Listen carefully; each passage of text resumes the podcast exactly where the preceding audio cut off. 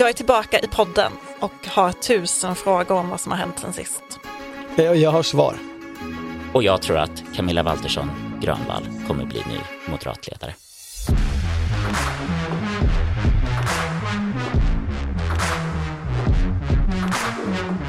Det här är Politiken med Maggie Strömberg, Torbjörn Nilsson och Henrik Torehammar. Jag har ju varit borta ett tag och eh, under min time-out, som det heter på politikerspråk, så har jag inte följt medier eller politik. Gud vad skönt. Eller Twitter, nästan ingenting. Ehm, och därför så vet jag ingenting om NATO-processen. Men jag förstår, förstod i morse att Ulf Kristersson uppdaterade oss med en pressbriefing. Det gjorde han eh, och man får säga att det kom ändå ett tydligt besked nu eh, om att eh, man bedömer det från regeringens håll att Finland kommer gå med före Sverige. Och jag tyckte det var fint för liksom vad exakt är det som ligger bakom det här. Han fick en fråga från Radio Sweden och då skulle han svara på engelska och då ändå den här superglobalistiska internationella statsministern hade ändå lite problem med språket. We assess uh, uh, the possibility for Finland to join uh, before Sweden. That that possibility has has increased. What has changed lately to give you that indication? Well, it's a samlad bedömning. Someone can, can, can help me in that. uh, Samlad bedömning, säger Ulf Kristersson. Det, det, kan ni hjälpa mig att be- berätta lite vad den här samlade bedömningen bygger på? De hade ju möte förra veckan med Turkiet. Vad hände där? Ja, alltså, eh, bara så du vet så, så har jag ju fört en dagbok över NATO-händelser varje dag. Du har haft din timeout. Så du, där kan du få den, den fulla briefen. Men den kortfattade är ju att eh, Oskar Stenström och Jan Knutsson, kabinettssekreteraren, var i, i Bryssel i torsdags. Och att eh, NATO ledde det mötet, alltså Jens Stoltenberg med medarbetare. Eh, det är så det fungerar när de har varit i Bryssel. Exakt vad som hände har vi ju fortfarande inte fått veta. Men eh, ingenting som var inte- positivt för Sverige. Det förändrade inte den samlade bedömningen i alla fall. Nej, alltså eh, utan på den här pressträffen så var man ju ganska liksom det, det är så landet ligger och vi kan inte göra något åt det. Det spännande eh, för fortsättningen är ju exakt när Finland släpps in då och hur många möten de stackars finländska tjänstemännen ska tvingas åka på med turkarna ändå. För, för det här är ju den så, att, så kallade permanenta mekanismen som ses och pratar. Alltså Oskar Stenström och, och den här långa smale turken och eh, några finländare. Så finländarna kanske måste tvingas till det ändå, hänga på. Mm, Ja, Det men tycker jag är intressant. jag har en fråga till och det är Ungern var ju också här på besök. Mm. Har de eh, röstat än? Nej, de, först kom ju besked att det skulle skett i den här liksom i förra, den viktiga NATO-veckan, att då skulle det komma, men sen så sköts det upp framåt och sen så kom det en sån här dubbel igen att som vanligt så här, nej men Ungern, vi vill se Sverige som NATO-medlemmar, men sluta prata skit om oss typ. Och de, de har inte heller röstat om Finland, eller? Inga röst, Nej. omröstningar från, från Ungerns sida. Ehm, jag förstår. Och turkiska valet har jag förstått ligger kvar den 14 maj enligt plan. Nästan på året, näst, nästan på dagen ett år efter att Socialdemokraterna svängde om NATO officiellt. Men vad, det kanske inte var därför Erdogan valde den dagen, vet ej. Men, ehm, Det är en samlad bedömning som Erdogan brukar säga. men jag känner ändå att känslan för mig nu är väl att vi kommer vara med innan Vilnius. Eller är inte det liksom den allmänna känslan nu? Hur var känslan på pressbriefen? Ja, men känslan är ju att Finland kommer vara det. Och att eh, Sverige... Toppmötet alltså i Ja, sommar. precis. Så att Sverige vill det och hoppas på det. Och det har ju funnits i, i, i NATO-högkvarteret har det ju läckt ut liksom en argumentation tidigare om att om Finland får gå före så kan man använda det som liksom bräckjärn mot Turkiet. Alltså att pressen kommer öka ytterligare om det bara är en kvar. Jag vet inte vad som ligger i det argumentet egentligen. Pressen på Turkiet kommer väl öka generellt inför Vilnius kan man tänka sig. Att det kommer Ja. vara, Alltså det är väl inte omöjligt att se framför sig att det blir precis som i Madrid. Alltså att ingen vet, folk flyger dit och sen sitter de eh, liksom last minute förhandling. på något vis, där Sverige ska bevisa att våra myndigheter, för det var ju det man tryckte på, Stenström tryckte ju på att här har vi ju genomfört lagförändring och så vidare.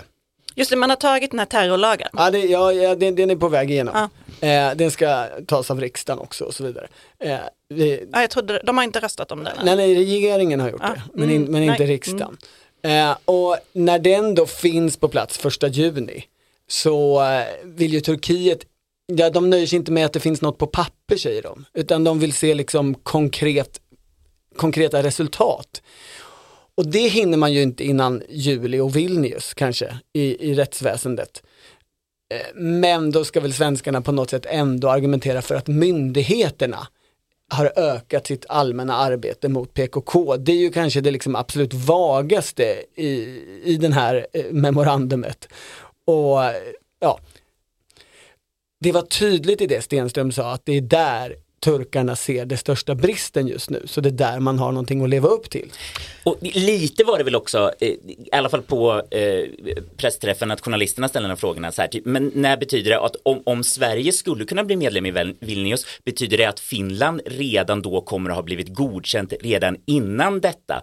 Och då, då plötsligt vill Kristersson inte spekulera mer, men det, är liksom, det är ju det man undrar då, skulle det, det turkiska parlamentet hinna rösta innan man upplöses? Eh, och att det är det därför då som regeringen nu känner så här, nej men nu måste vi gå ut och liksom ta ner den här grejen och visa så här, vi visste om det här, vi var förberedda och det är tråkigt men fine, nu händer det. Ja, det låter ju sannolikt. Eh, du, du pratade ju om Oskar Stenström här tidigare, mm, eh, S-statssekreteraren som nu är ambassadör i regeringskansliet med ansvar för NATO-frågan. Och han är ju plötsligt en väldigt, sy- väldigt synlig för att vara en opolitisk tjänsteman. Eh, han var ju i både tv och radio för några veckor sedan, eller det är kanske ganska många veckor sedan nu. Och nu står han på pressträff med Ulf Kristersson. Ja, Är det för att Kristersson ska kunna skylla på honom om allt går åt helvete? det tror jag. Eh, men, men i, i grunden så har de väl någon, någon slags tanke om att eh, det är bra att, att han pratar. Eh, för att liksom pedagogiskt förklara vad är det som händer i den här, liksom, för, för många svenska kökkenmöddingen till diplomatiska liksom, jidder. Eh, men när han st- står på den här pressträffen idag så är det när man sätter sig som journalist och tittar på det så är det svårt att inte tänka den lite illasinnade tanken att Kristersson tänker ganska smart att fördela ut skulden för eventuella misstag och problem här också över på någon som trots allt är sosse. Och han, Stenström fortsätter ju med argumentationen av att nej men vi måste komma ihåg att Turkiet har ju helt valid reasons. PKK och PKKs finansiering i Sverige är ett stort problem. Inte för svensk säkerhet, men för turkisk säkerhet. Och tog igen upp det här att det blir en win-win om vi fokuserar på PKKs kopplingar till gängbrottslighet eller till organiserad brottslighet. Så att han fortsätter ju med det här som ifrågasattes eh, väldigt mycket när Stenström framförde det första gången. Låt oss ta lite fakta för omväxlings skull. Lite fakta för omväxlings skull.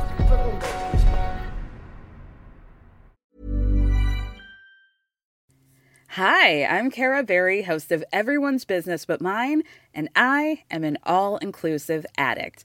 Enter Club Med, the best all inclusive for you and your family. With resorts worldwide, from their family flagship resort, Club Med Punta Cana, to their only mountain resort in Canada, Club Med Quebec, they have everything you need to relax. With their 20 plus sports activities, wellness programs, you can dine on delicious cuisine and make memories with your family. So book your next getaway with Club Med. Visit clubmed.us or call 1 800 Club Med or your travel advisor. Eh, har det hänt något annat då? Finländarna verkar eh, helt okej med att gå vidare utan oss. För när jag gick på timeout, då var de fortfarande i eh, fasen självklart inte och eh, gav olika intervjuer Nej, om att det det, inte skulle det, hända. det har ju glidit iväg. De har ju valrörelse och så, och så bråkar ju Ninistö och Sanna Marin också om, om liksom vem som ska ha makten över säkerhets och utrikespolitiken. Eh, Men är inte det presidentens ansvar enligt Eh, det finns ju en rad i deras grundlag och, det, och kring den så har det gjorts olika tolkningar över tid. och eh, ja, det är komplicerat och, och, jag ska inte gå in för mycket på det men det är i alla fall en sak som är, som är stor i Finland. Tillsammans då med att, med att Sanna Marin ser ut att eh, få svårt att, att väljas om i valet i april. Kul om kungen och Kristersson hade haft ett sånt bråk. Ja, det... men, men annat stort som har hänt är ju till exempel att Rolf Ekéus har skrivit på DN Kultur kritiskt om, om hela NATO-processen att Sverige nu ger upp linjen att verka för en fredlig omvärld. Vill du upplysa mer om hans bakgrund? Rolf Ekéus, gammal diplomat. Kristna Eh, är det sant? Ja.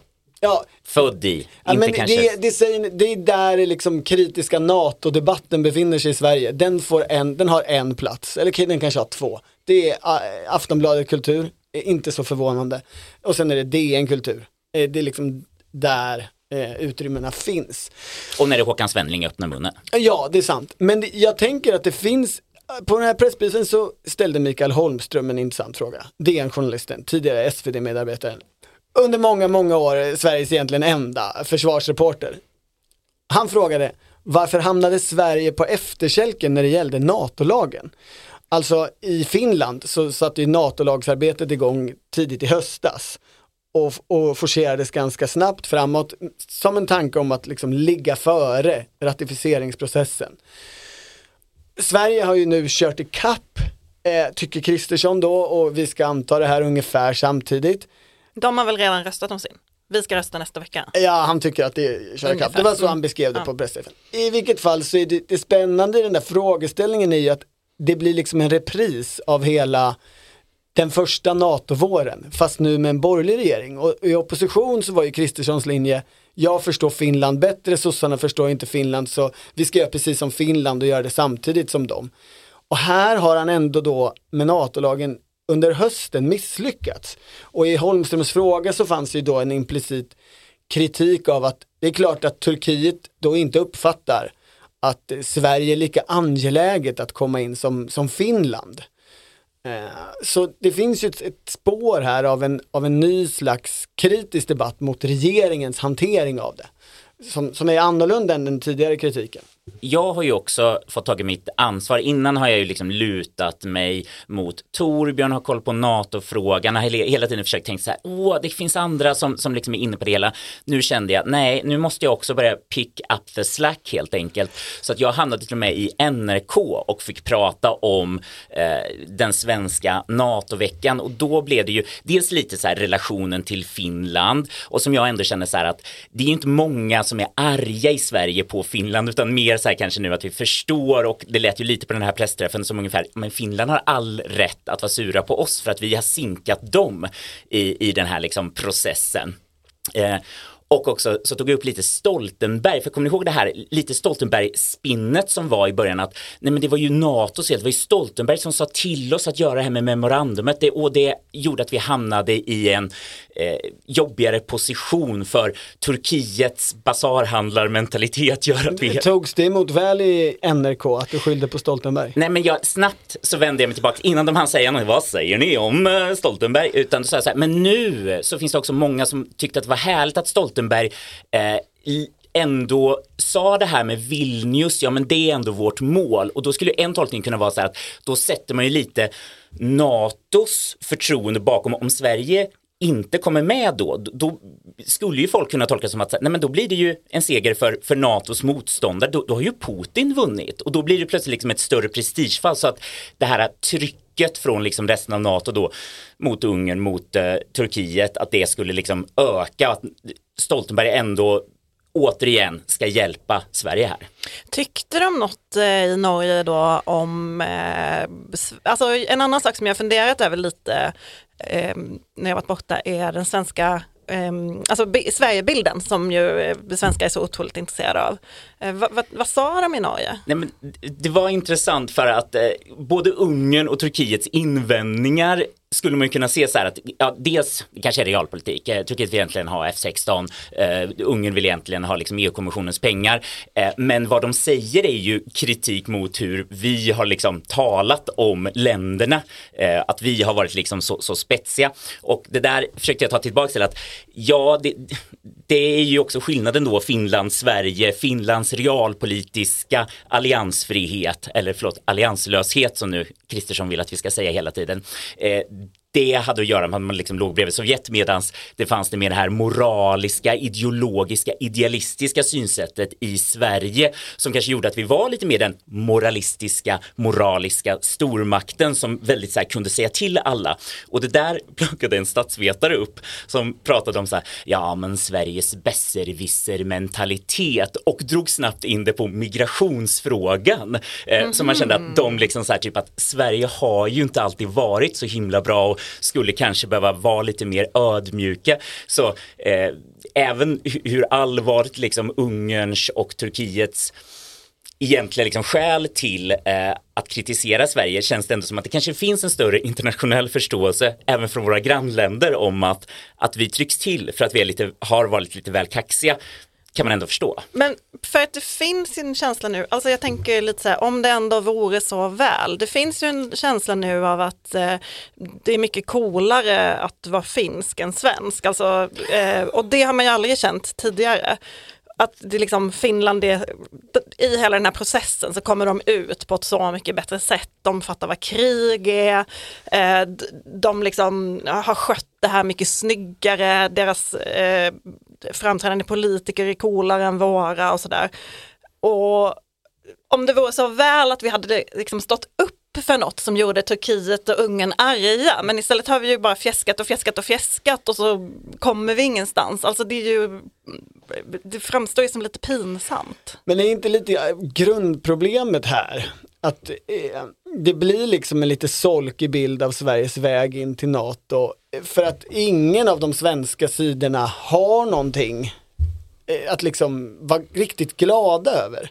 Alltså Socialdemokraterna och den sidan som har svängt, de kan vara glada över att vi klarade av att svänga och hålla ihop partiet och Magdalena Andersson är populär, men det är ju inget liksom, det är ju inget riktigt jag vet inte hur du definierar coolt egentligen, men jag har svårt att definiera det som coolt. Den andra sidan, de har ju haft vad de tycker ett coolt argument för NATO i alla år. Eller skulle man kunna säga ett moralistiskt argument, nämligen det finns öst och väst. Väst är de goda, öst är de onda, vi är med väst. Och vi ska vara det fullt ut. Det är ju liksom Ulf Kristersson, Moderaterna. Det här kom han och Henrik Landerholm och prata om redan när de gick liksom i småskolan i princip. Eh, och nu ska man äntligen få vara det. Fast problemet är ju att den här processen avslöjar ju att där, ja, NATO är alltså inte den goda liberala demokratins sida där kapitalismen löser alla problem och, och ja, rättsstaten är viktig och sådana där saker. Tvärtom så är det bara sunk från ett sånt eh, liberalt perspektiv som visar sig vad man än liksom vänder sig. Jag har en fråga till. Vad händer på alla de här minglen som Ulf Kristersson har på, sa, eh, på Sagerska? Man, det läggs ju ut bilder i sociala medier hela tiden att han har olika mingel. Är det här kopplat till NATO-processen eller ett vidare du tänker? Ja, jag vet, jag vet inte om det är kopplat till något. Jag, vet inte vad som, jag har inte varit inbjuden på något. Har du det Henrik? Nej, så det här är kanske en liten markering. Uffe, börja Nej, bjuda in absolut, oss? vi kommer Nej. väl behöva säga nej om han bjuder in oss. Men alltså, eller jag vet inte, oklart, vi får fråga chefen. Men, ehm, nej, men jag bara undrar, han sa ju när jag var med honom i Riga att han tänkte att han skulle öppna upp um, Salgrenska tänker jag hela tiden, men Sagerska heter det. Eh, Sagerska, Ehm, ja. Och eh, Men du menar att han inte öppnat upp det för svenska folket än? han har ju många mingel. Han har väldigt många mingel. Han, hade ett i helgen tror jag, eller om det var förra veckan. Vilka, vilka var där? Såg du några på bilder? Eh, Jag såg eh, Moderaternas eh, budgetförhandlare, eller budgetpersoner, budgetstatssekreteraren Aha. och eh, stabschefen på finansen. Man skulle ju kunna tycka i sådana här ekonomiska tider att de var upptagna med annat, men kanske inte. Eh, Oskar Stenström, att han står där framme, eh, tyckte du, Torbjörn som tittade på pressträffen, att han var duktig? Oj, det vet jag inte. Okej, okay, jag, jag trodde du skulle säga, nej men åh, det, han, han finns bara där som eh, ett syndabock, ett, sånt, ett offerlamm.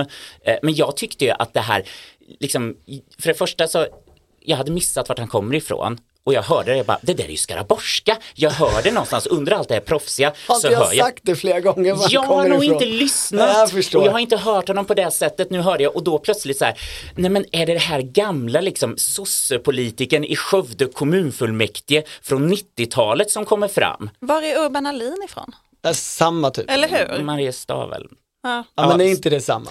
Oj, säg aldrig det här Nej, till skaraborgarna. Okay. Men frågan är hur väl de kände han, eh, vad hette han, eh, Sapnet?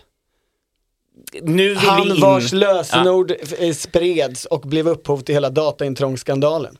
Där Johan Jakobsson, ju, som ju nu är statssekreterare hos Ulf Kristersson, hade en central funktion och roll. Vad var nu det lösenordet? Var det inte typ hans namn eller jo, någonting väldigt, Men jag väldigt tänkte enkelt? att du skulle komma ihåg det. Det är, det är ju liksom tidigt 00-tal, du minns allt därifrån jag, jag minns vaga saker där och jag kan tänka mig att det här kanske är en Sigge, intressant... Sigge.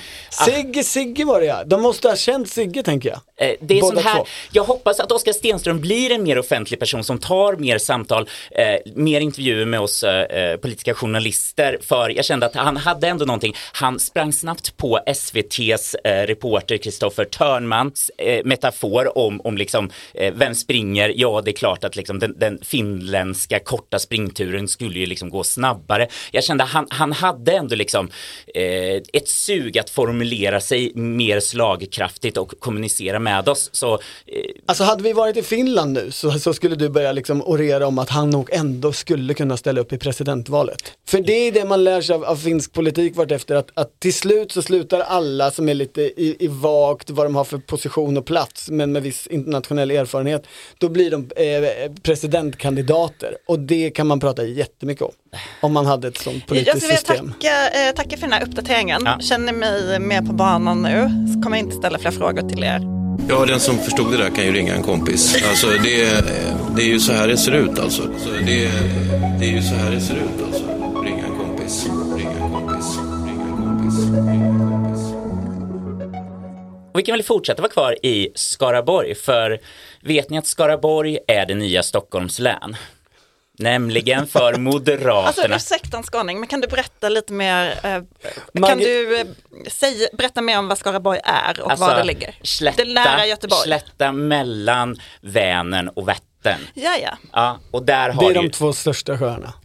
Mariestad, Skövde, Skara, eh, Gristorp, Grästorp. Eh, det, det, finns många olika eh, platser och eh, de krigar ju ofta så, här, så mycket lokalt så att de har liksom inte kunnat enas om en regional eh, flygplats utan de har liksom varje liten ort har sin egen flygplats, har sin egen lokaltidning det skapar en känsla där och det här är det nya moderata hjärtlandet i alla fall om man fick tro den valanalys som presenterats på ett lite speciellt sätt, i alla fall om man får tro Camilla Waltersson Grönvall, eh, numera socialtjänstminister, men också liksom ordförande för den här valanalysgruppen som var, när hon kom, då var det istället för att ha liksom en vanlig pressträff så skulle hon bjuda in lite politiska kommentatorer, journalister, och hon var så peppad. Och jag tror aldrig jag liksom har mött henne men hon var lite den här andra formen av moderat, den lite mer lantliga mm. som bara kommer in och lite, lite rafsigt och bara så här,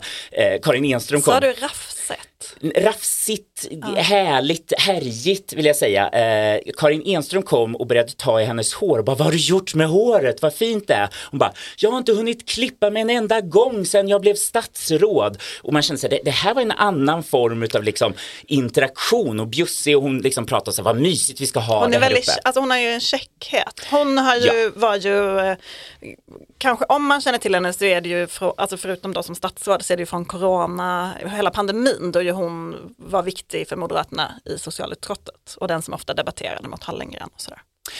Ja, och här var det hon som sa liksom, lite folkliga sanningar om det här nya folkliga partiet som nu har sina stora fästen i medelsmå eh, svenska städer i Skaraborg med liksom upp till 40, kanske nästan 50 procent vissa gånger lokalt. Eh, fast det här var som så mycket i den moderata valanalysen också ett tvåeggat svärd. För på direkten så här, vad härligt det går lokalt, så kom också en liksom ett litet nålstick om att så här, mm, men problemet är nog att vi har alldeles för mycket av den kulturen att det är väldigt hett att vara en starke man eller starke kvinna i Moderaterna för man tar inte ansvar och prioriterar den nationella valrörelsen utan man prioriterar de lokala valfrågorna så mycket och känner lite så här, mm, vi är starkare än partiet, jag är viktigare än partiet. Lite en sån känsla kom det in i det hela. Den här valanalysen är ju spännande för att den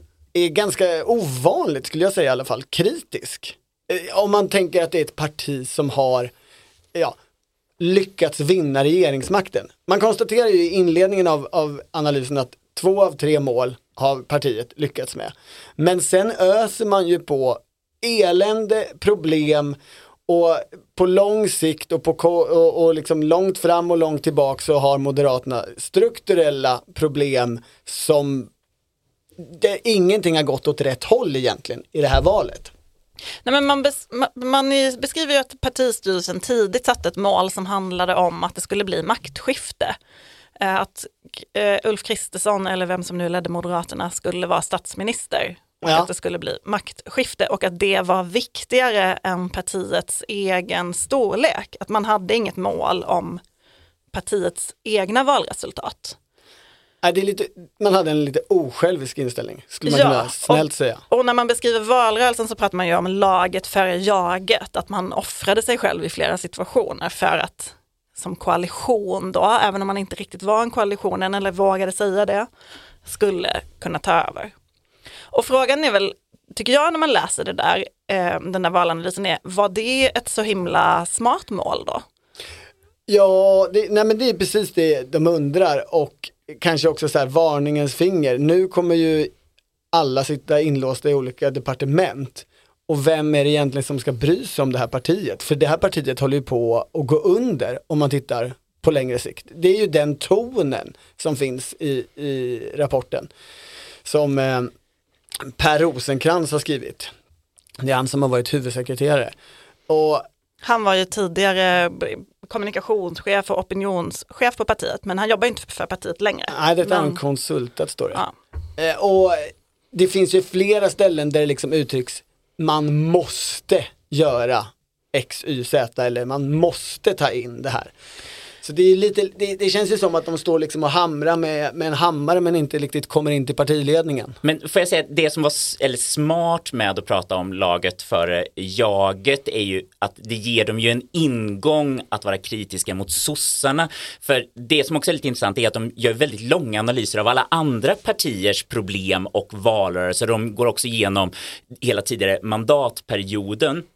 Eh, och där eh, blir det tydligt att de tycker att Eh, Magdalenas största synd är ju att vara jaget före laget och tar exemplen att så här, hur kan sossarna på sin sida ta Vänsterpartiet som de säger enda starka fråga, vinster i välfärden och sno den? Och också Centerpartiets enda starka fråga, vara emot SD och sno den också. Och sen, sen ha mage och titta på eh, så här, nej men vi gick ju framåt, det var ju V. Och C som gjorde att min sida inte liksom lyckades. Nej men och på samma sätt så beskriver de ju, eller liksom motsatsen eh, beskriver de ju när de förklarar eh, hur det, hur det gick till under eh, de här påskkravallerna som det kallades efter Paludans koranbränning då ju Ebba Busch var, gjorde den här intervjun med dig Henrik, din största claim to fame kanske i lördagsintervjun när, Jo, när ja. hon sa att, hon skulle, att polisen skulle skjuta skarpt. Eh, Exakt hur ord föll, orden föll minns jag inte, men det var ju en viktig, och att ehm, Jimmy Åkesson då sa ja, jag håller med henne och medan Ulf Kristersson skulle vara liksom lite vän och ta en mer balanserad position, vilket gjorde att eh, Moderaterna blev väldigt mycket ett mellanmjölksparti som inte var med i de viktiga konflikterna och inte heller kunde ta konflikt med sitt eget lag.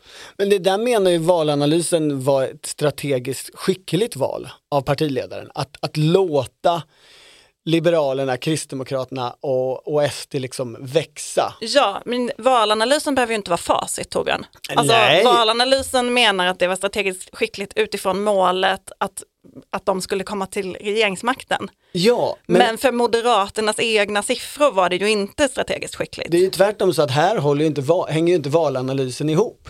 Å ena sidan så säger man att det här var jätteskickligt och sen så kommer man och säger vi måste bry oss om vårt parti. Och ja, det var ju precis det man misslyckades att göra där när ni tyckte de var skickliga. Ja, men och det finns en formulering där de, när de diskuterar det, stora problemet med storstäderna så skriver de på ett ställe så här, vägen till att bli Sveriges största parti eh, går liksom genom att vi också når de här storstadsväljarna igen. Och då undrar man så här, oj, är det nu målet att bli Sveriges största parti? Eh, för där, det är ju ganska långt kvar kan man säga. Det, Ja, det ni har ju liksom satt er någon helt annanstans efter de senaste fyra åren. För där har de betydligt bättre pizza än vad de har någon annanstans. Bättre pizza, bä- bä- bättre pizza. Say hello to a new era of mental health care. Cerebral is here to help you achieve your mental wellness goals with professional therapy and medication management support. 100% online. You'll experience the all new Cerebral Way, an innovative approach to mental wellness designed around you. You'll get a personalized treatment plan from a therapist, prescriber, or both in a safe and judgment free space. Your cerebral therapist or prescriber will outline a customized plan with clear milestones along the way so you can get to feeling your best. With Cerebral, you're not alone in your mental health journey. We're here to empower you to live a fulfilling life. So take that first step towards a brighter future and sign up today at cerebral.com slash podcast and use code ACAST to get 15% off your first month. Offer only valid on monthly plans. Other exclusions may apply. Offer ends July 31st, 2024. See site for details. det är ju inte bara storstäderna, det är också kvinnor. Och det raset är ju liksom eh, historiskt stort och en historiskt stor förändring som sker på flera håll, men där det för Moderaterna blir särskilt problematiskt. Jag menar, Sverigedemokraterna växer ju i stöd eh, hos kvinnor i det här valet, men Moderaterna gör det inte. Så hur ska man liksom lyckas att ja, driva den politik man gör i kombination med ett SD-samarbete och få, få till sig de kvinnor som är liberala och som hade varit liksom självklara i ett sånt liberal-konservativ väljarkoalition. Jag kan ge dig Per Rosenkrantz-glosan, Magdalena Moderater. Ja, frågan är om Ja, de man skulle väl kunna moderater. kalla dem för Reinfeldt-moderater eller Moa Berglöf-moderater eller jag vet inte. Jo men, ja, men ska man då, eh, för här har ju absolut inte Valanalys några förslag, men jag tog eh, med mig två små skrifter. Eh, den första är skriven 2008 av en man som heter Per Schlingman. Han beskriver då utvecklingsarbetet Per i riksdagsgruppen i för partiet Moderaterna under den mandatperiod som är inne, alltså 06 till 10. I fokus för arbetet står bland annat den könssegregerade arbetsmarknaden, det ojämna ansvaret för hem och familj samt frågeställningar om hur stereotypa könsroller kan motverkas inom skolan och sjukvården. Han säger vidare att vårt parti behöver ha andra företrädare för att representera hela befolkningen. Det handlar om att vi måste bli fler kvinnor, fler invandrare och fler som arbetar direkt i välfärden. Fler direkt i välfärden är ju i princip synonymt med kvinnor. Vadå, ska de gå ut och säga detta? Eh, när hela deras tänkande just nu handlar om hur vinner vi tillbaks fler från Sverigedemokraterna, hur åderlåter vi genom att ha fått statsministerposten Jimmy Åkessons parti på hans sympatisörer? Det här är ju bara första steget i att trycka ner SD till liksom 8% eller vad en gång sa Gunnar Strömmer till med 5 Eh, det, vet, det är ett långt, det, det är på lång sikt. Vad var, det, vad var ni för? Eh, han var glad, det var på någon slags moderatstäm grej. Det var sånt mingel. Eh, Det var eh, kanske ett mingel, det var inte på kvällstid, det var på dagtid. Det var inte Sagerska. Eh, jag har i hel, nej, jag tror, sa jag inte det? Jag har ju inte blivit bjuden till Sagerska, nej. Ehm, det är ju liksom en sån, det nya blocklandskapet skapar ju stora svårigheter för Socialdemokraterna. Och det är man ju bra på att påpeka här. Eh, hur ska man kunna behålla liberala väljare i storstäderna som kanske egentligen vill ha en, en, en höger ekonomisk politik och samtidigt ha med sig Vänsterpartiet och så vidare. Man får elda på kulturkriget. Ja men det, men det skapar ju samma problem för, för Moderaterna. Alltså, jag, jag, jag, den andra boken, eh, jag glömde den. Det, den stora grejen med den, det här är alltså Fredrik Reinfeldts valskrift Framåt tillsammans, min berättelse om föregångslandet Sverige i succévalet 2010. Här, fin, här har, i, när jag visar upp den för er nu, Eh, jämställdhetsavsnittet är alltså tryckt på rosa papper. Men eh, är, är det någon av Ulf Kristerssons barn han står och pratar med där, Fredrik Reinfeldt? Det Eller? tror jag inte. Nej. Nej. det är en person som är hans döttrar. betydligt äldre. Eh, hon kan inte varit i, i den åldern 2010. Nej. Eh, men i vilket fall, här, här pratar man då eh, om det mycket ojämnt fördelade ägarmakten i Sverige, män äger mer än kvinnor och så vidare. Och han skriver, Fredrik Reinfeldt alltså, den svenska jämställdheten är en av Sveriges viktigaste exportvaror. Och det måste börja redan i förskolan. Man kan inte förutsätta att pojkar ska leka aktiva lekar med bilar och att flickor inte ska göra det. Vi har, det är ju en Fler extrem... genuspedagoger i förskolan. Jag säger inte heller att den här vägen, Schlingmann Reinfeldt är den enda till eh, de här Magda-moderaterna, de kvinnornas eh, röstakt i, i väljarbåset, att få dem dit och rösta på Moderaterna. Men det är helt uppenbart att man har ju ingenting annat, i alla fall, än så länge, för att få dem dit. Ja men Häromveckan kom ju också den här eh, förtroendemätningen från Medieakademin där man rekordtappade i förtroende hos svenska folket. Eh, och det är klart att det är ju svåra tider ekonomiskt eh, som spelar in såklart, men man kan ju kanske tänka sig också att det här samarbetet med SD också spelar in hos en del av väljarna. Men eh, man undrar ju lite när man läser valanalysen, tänker på den där mätningen och situationen i övrigt. Var, kom, var kommer Moderaterna befinna sig när de går in i nästa valrörelse? Vad, är, eh, vad kommer hända med Moderaterna under den här mandatperioden? T- under tidigare koalitionsregeringar så har det ju varit någon slags sanning att det stora partiet eh, vinner på de andras bekostnad. Kommer det vara så nu när SD inte sitter i regeringen? Men motargumentet är väl att, säga att Moderaterna har inte kollapsat. När man tänker på den massiva kritiken så liksom ett av regeringspartierna håller sig liksom ändå okej i opinionen. Eh, SD har väl gått ner lite mer om man ska tro de sammanslagna eh, mätningarna och det är ju framförallt liksom KD och L som eh, liksom tappar tillbaks eh, stödröster eller eh, tappar röster i det här. Så att, eh, nej, det och vem vet att det kanske ändå är smartare att vara statsminister, finansminister, justitieminister, alla de här liksom posterna som får att stå och prata om viktiga saker i, i kristider.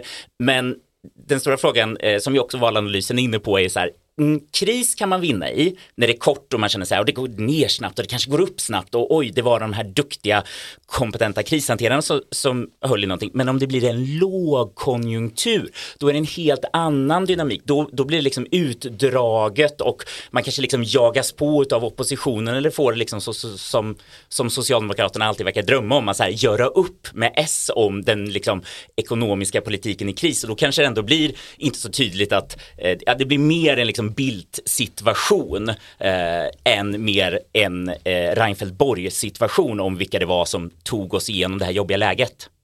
Ja, men det är väl just det som är frågan, för man kan ju då tänka sig från ett moderat perspektiv, hur vinner man tillbaka storstaden? Jo, genom att få bort kulturkrigsfrågan eh, och få fram en ekonomisk politisk konflikt med socialdemokrater. Eh, för där, då tänker man att socialdemokrater kommer vilja höja någon skatt och det vill inte de här väljarna som har röstat på Magdalena Andersson egentligen. Men är det verkligen så då? Alltså jag tänker, kommer liksom Amanda Schulman eh, rösta för ännu ett jobbskatteavdrag? Den här, det, finns en annan sån influencer som eh, Magdalena Andersson har varit med på bild med många gånger som heter Sofia Wood, som Aha. är en sån eh, em, livsstils eh, influencer och hon rasade över elstödet för att hon inte behövde de pengarna som hon hade fått i sina sociala Ah. medier och verkade liksom tycka att eh, elstödet skulle Hon vara be- skulle vara behovsprövat på något sätt, eh, att ja, de pengarna kunde gå till någon annan. Mm. Och är det inte lite så? Ja, ja, men Eh, det, det- är väl det här, det här är så dubbelt med det liksom självbilden som Moderaterna har av att de är det mest superrationella partiet som gör de mest pragmatiska lösningarna. De kallar in experter och tar fram den sanna bra politiken. Det, det liksom återkommer de till hela tiden. Eh, Socialdemokrater skulle inte riktigt hålla med om att de är de duktigaste på att regera och komma fram med så här konkreta lösningar hela tiden.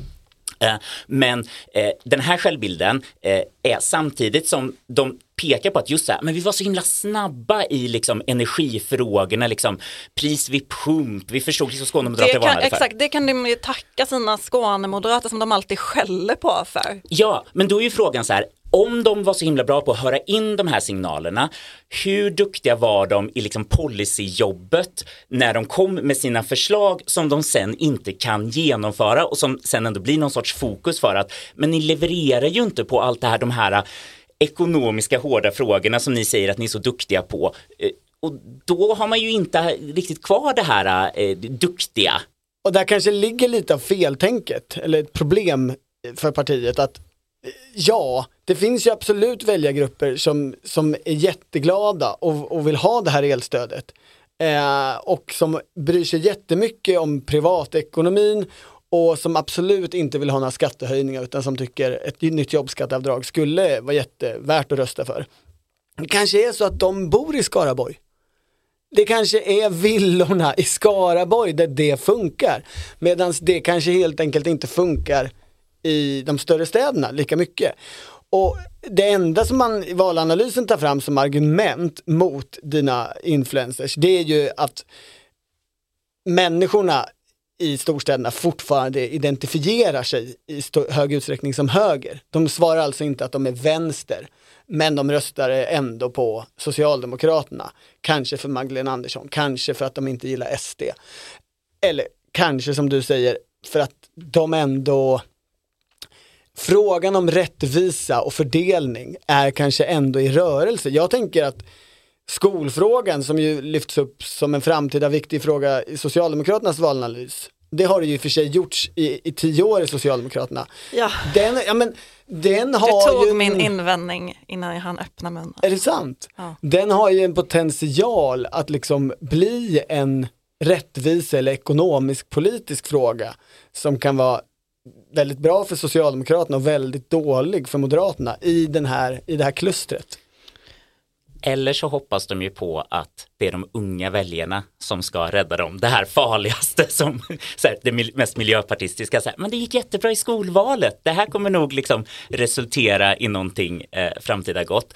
Och då är ju frågan eh, det här om, om, om de unga i Sverige är en sorts eh, kanariefågel som ska liksom visa var problematiken ligger. Om, om man köper en högeranalys av varför, hög, varför unga är höger så handlar det ju om att man är rädda jättemycket för särskilt brottslighet, kriminalitet. Men är det en högeranalys? Den tycker jag man hör även från vänster.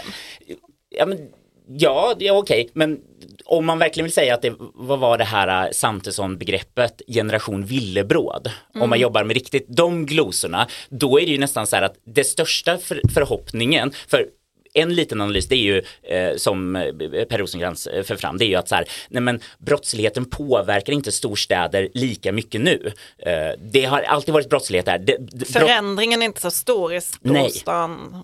och då blir det ju liksom en Jämfört med om lösningen ska vara så här, nej, vi behöver mer storstadsbarn som utsätts för kriminalitet eller det liksom måste bli ännu värre för eh, att det liksom också ska påverka mammorna på något sätt och säga så här, nej men mitt barn blev också förnedringsrånad om det är det man tänker att det här ligger i framtiden och det kanske inte riktigt det här optimistiska, hoppfulla framtidsvisionen som vissa moderater i alla fall skulle vilja att man jobbade mer med.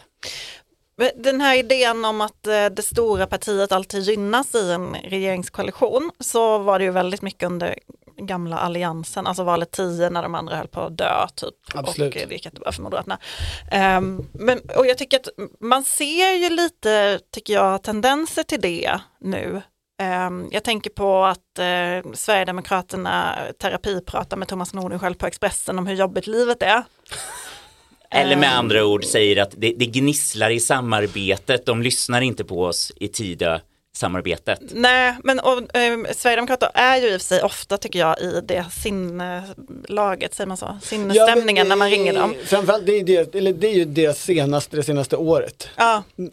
men de sitter ju i vår eh, budgetförhandlingar nu och man kan nog läsa in lite av det också.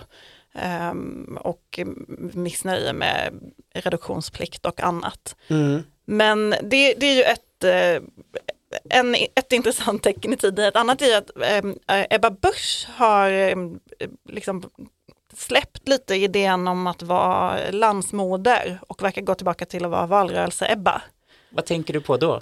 Ja, men jag tänker på det här mötet, hon hade ju ett eh, möte med sympatisörer i eh, Göteborg förra veckan. Är det här som, som Aftonbladet bevakade? Ja, Göteborgsposten också. Hon gav liksom mycket slagkraftiga citat och många, eh, ja men det var mycket gamla Ebba. Hon, och på, Falukorvs-Ebba. Ja, och på sina sociala medier har hon också börjat lägga ut liksom mycket så här galna bilder med familjen och eh, den här, ja men Ebba som vi minns henne. Det finns ju en fantastisk bild på, är det flanell och eh, någon sorts eh, En yxa, yxa, ja. Mm. eh, som jag såg att eh, en gay-twitter, nämligen det lesbiska Twitter, bara så här, åh, nu är hon igång igen och ska locka oss. Nej, nej, nej, nu får vi försöka stå emot här. Att det inte är liksom Slebba-Ebba utan Lebba som, nej. Du skulle inte gått där, men vi, vi, låter, vi låter det hänga kvar bara. Men, Nej, du, men det är du som tar eh, smällen. Uppenbarligen finns, ser man behov av profilering eh, på, på olika håll. SD genom eh, sitt lite mer gnälliga eh, uttryckssätt och eh, Ebba genom Ja men och då är ju frågan, vad gör Moderaterna som är motsvarande? Ja men Ulf håller ju pressträffar. Jo fast om vi... Och säger att så här, ja vet du vad, vi har misslyckats, Finland går före, men så vill vi bara säga så att ni vet det, Jag så att ni har hört misslyckandet innan. Men om man har konstaterat att det som är den lilla vägen framåt eh, mot storstaden är ekonomisk politisk konflikt och eh, fortfarande inte har någon aning om hur man når kvinnor. Eh, då kanske inte Ulf Kristersson pratar om NATO är the way to go. Eh, visserligen är det långt kvar till valdagen och sådär, men var är Elisabeth Svantesson och vad har hon för ammunition när hon någon gång syns? Hon pratar om klassiska ekonomiska teorier och att pristak leder till brödköer. Hon blev dock utsatt för eh, utseende recension av Maria Abrahamsson eh, häromdagen eh, efter att hon hade varit med i Agenda och blev anklagad för att vara för mager, hon borde äta mer sås och potatis. herregud. Klassisk sätt att få sympati hos kvinnor. Och också klassisk moderat god stämning internt. Alltså skillnaden på den här, där vi började. Camilla Waltersson, eh, god stämning, hon och Karin Enström. Här har den andra sidan av liksom moderater internt. En tidigare eh, riksdagsledamot som behöver börja diskutera en ministers utseende. Men Ja. frågan är om det skulle vara så att Moderaterna, de pratar ju om så här, vi kanske behöver bli starkare i klimatfrågan, det kan inte bara handla om kärnkraft, vi, vi liksom måste tänka bredare, vi måste hitta de här, liksom, vi måste låta Ulf prata mer om eh, psykisk ohälsa bland unga, han är ju en sån bra socialpolitiker.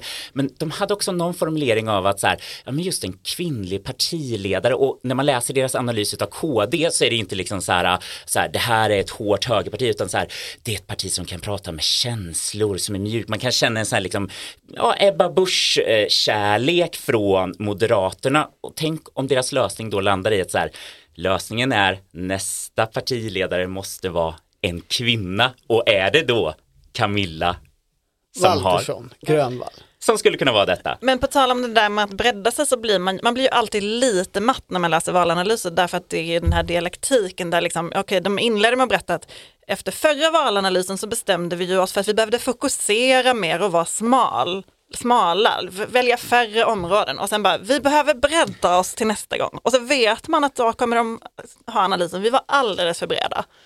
Och så går det så fram och tillbaka, vi blir bara äldre. Ja, och det enda som händer strukturellt över tid är att Sverigedemokraterna blir större.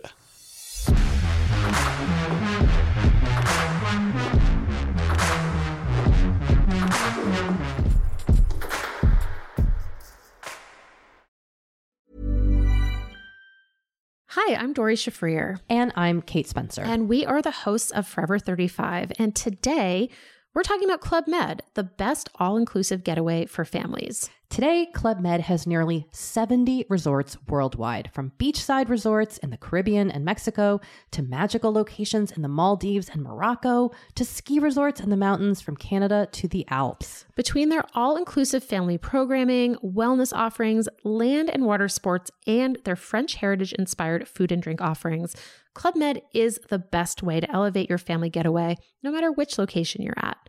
To learn more, visit clubmed.us.